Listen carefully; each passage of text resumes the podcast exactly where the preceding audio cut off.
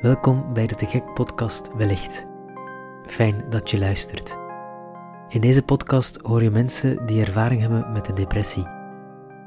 Ik weet het, best een zwaar thema voor een podcast. Maar het is broodnodig dat dit taboe doorbroken wordt. Dat er over gesproken wordt. Want wist je dat er elk jaar duizenden mensen lijden aan een depressie? Ik vind dat al schrijnend. Tijd om daar iets aan te doen. Misschien door jou simpelweg enkele verhalen te laten horen van mensen die ervaring hebben met een depressie? Je weet nooit. Misschien kan het jou of iemand anders wel helpen. In deze aflevering hoor je het verhaal van Ingrid en Ans, een moeder en dochter die beide worstelden met een depressie. Als persoon in ons gezin was ik de meest toegankelijke om naartoe te komen eigenlijk. Dit is Ans.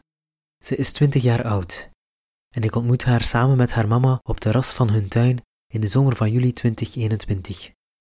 Ik heb vijf jaar geleden een zware depressie gehad en die, in die zware depressie zijn wij, allee, zijn wij gescheiden. En dat is eigenlijk een beetje de aanleiding geweest waardoor dat Ans in een depressie geraakt is, denk ik. Dit is Ingrid, de mama van Ans. Ik draaide eigenlijk al, om te zeggen gemakkelijk, een jaar boven mijn toeren. Ik liep uh, een jaar constant met een bibber. Uh, altijd gestresseerd, altijd gejaagd. En eigenlijk is het mijn lichaam zelf dat gewoon een knop heeft omgedraaid. Ik ben gewoon helemaal gecrashed. Iemand die eigenlijk niet eens zo dicht bij mij stond, die zei: Dit is niet normaal, nu ga je een afspraak maken bij een dokter en je gaat daar naartoe gaan. En ik dacht toen nog van: Ja, ik ga daar naartoe. En die, die zegt van: Ja, rust een week uit hè, en dan ga ik terug werken. Dat kon niet, ik moest sterk zijn, ik moest voor mijn gezin zorgen. Uh, en ik moest zorgen dat dat gezin bijeen bleef. En ik moest eigenlijk daarbuiten ook nog zorgen voor mijn grootouders. En ook nog zorgen dat ik voor de klas de perfecte juf was. En, dus ja, dat mocht mij niet overkomen. En ik ben dat schooljaar niet meer voor de klas kunnen gaan staan. En zelfs heel het schooljaar daarna heb ik geen school van binnen gezien. Um, dus ja, ik heb het eigenlijk veel te ver laten komen. Toen Ingrid haar depressie ervaarde, vond ze weinig steun en toeverlaat bij haar man. Hij was veel weg en tijdens de depressie scheiden ze ook van elkaar. Haar dochter Ans, zorgzaam en altijd klaar om te helpen, zag hoe zwaar het was voor haar mama, hield zich sterk en ving haar op. En jaren later, als ik er dan wat bovenop was, zijn de rollen omgekeerd is aanzien een depressie terechtgekomen. Waarschijnlijk omdat zij de jaren dat ze voor mij gezorgd heeft, gewoon veel te veel op zich heeft moeten nemen, veel te veel heeft moeten verwerken.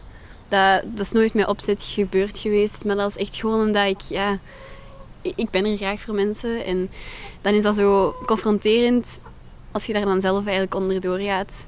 Want dan merk je eigenlijk ook dat je daar veel harder eigenlijk door geraakt bent en dat je eigenlijk zelf probeert te laten zien. En dan hielp mij dat ook wel echt, dat mama ook wel echt begrip had voor mijn situatie, omdat zij dat inderdaad echt begreep en ze, ze herkende het. Mama herkende de signalen ook veel sneller, maar ik heb toch, omdat dat zo geleidelijk aan uh, opbouwde, denk ik dat ik mij altijd gewoon heel sterk heb gehouden. Uh, totdat aan het moment dat mama zich beter voelde en ik dacht, oké, nu kan, oef, nu kan ik mij laten gaan.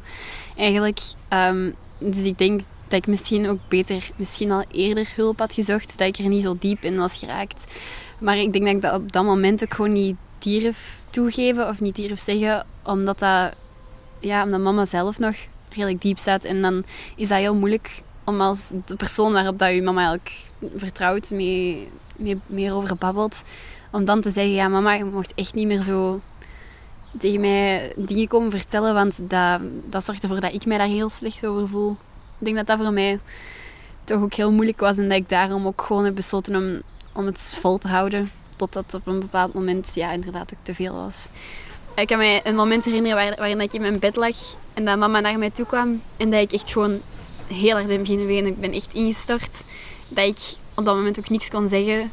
Ehm, en dat het echt ook pijn deed toen ik aan het huilen was. En ik denk dat mama toen ook door had van ja, oei, we, we zitten echt zo diep. Omdat je gaat, eigenlijk, je gaat daar geleidelijk aan naartoe en je merkt dat eigenlijk niet. Tot op het moment dat je echt op zo'n dieptepunt zit waarop dat je echt breekt.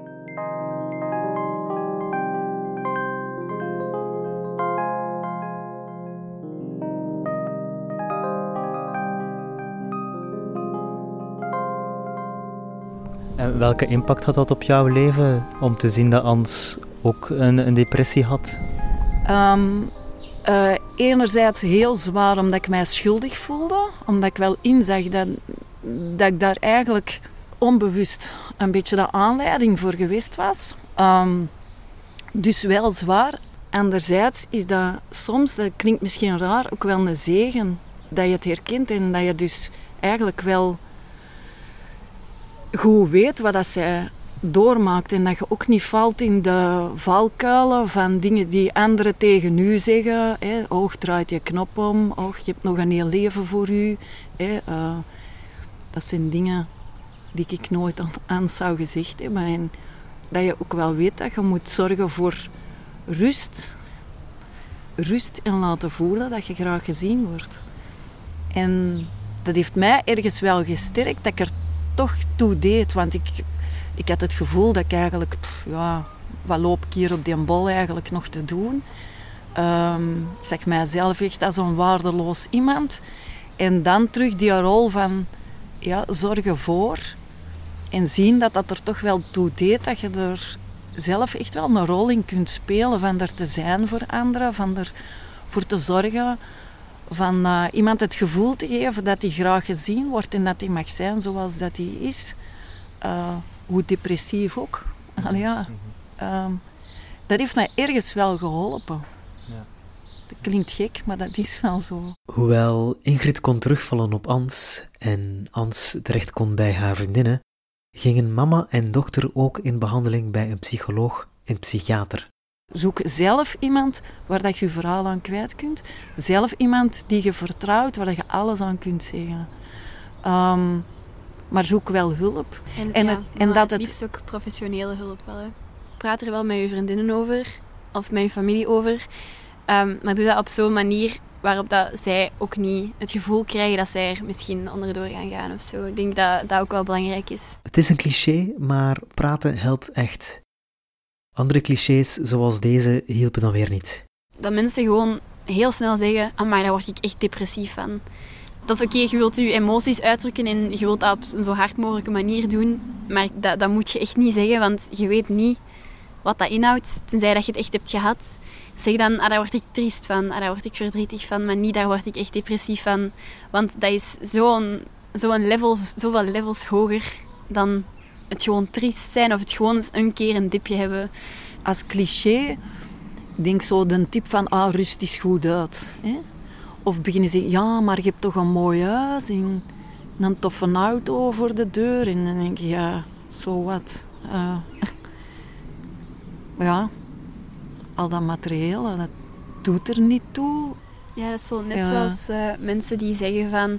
Maar er zijn toch mensen die het veel erger hebben dan jij. Dan denk ik, ja, inderdaad, er zijn mensen die het erger hebben, maar dat wil niet zeggen dat jij je als persoon niet triest mocht voelen om een bepaalde situatie, want iedereen ervaart iets zoals hij het of zij het ervaart. Of, ik, ja. Uh, ik heb mijn moeder op redelijk jonge leeftijd uh, verloren. Hè. Ze, was, uh, ze was ziek, ze lag in coma. En ik weet nog heel goed dat er toen één iemand was die naar mij kwam en die zei: Ik weet niet wat ik moet zeggen.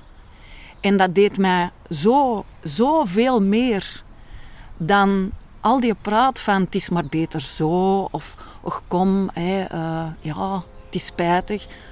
En ik heb dat achteraf nog heel vaak moeten denken, ook in die depressie. Er is niemand anders die u moet komen zeggen wat dat jij moet voelen of denken, want dat marcheert toch niet. Maar gewoon zeggen van, kijk, ik ben hier voor u. Ik weet misschien niet wat zeggen, maar ik ben hier wel. Dat dat eigenlijk het belangrijkste is dat je kunt doen voor iemand.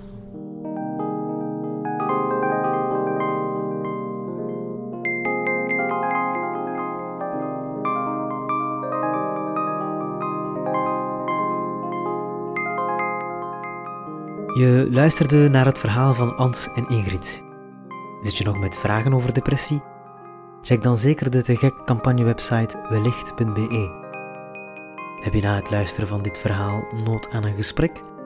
Je kan terecht bij Teleonthaal op het nummer 106 en bij de zelfmoordlijn op 1813. Mijn naam is Matthias Cornelli en ik maakte deze podcast samen met Esther Kolen in opdracht van Te Gek. Bedankt Ans en Ingrid. Bedankt ook Axel Smet voor de muziek en bedankt aan alle mensen die mij gesteund hebben bij het maken van deze podcastreeks. Graag tot de volgende keer.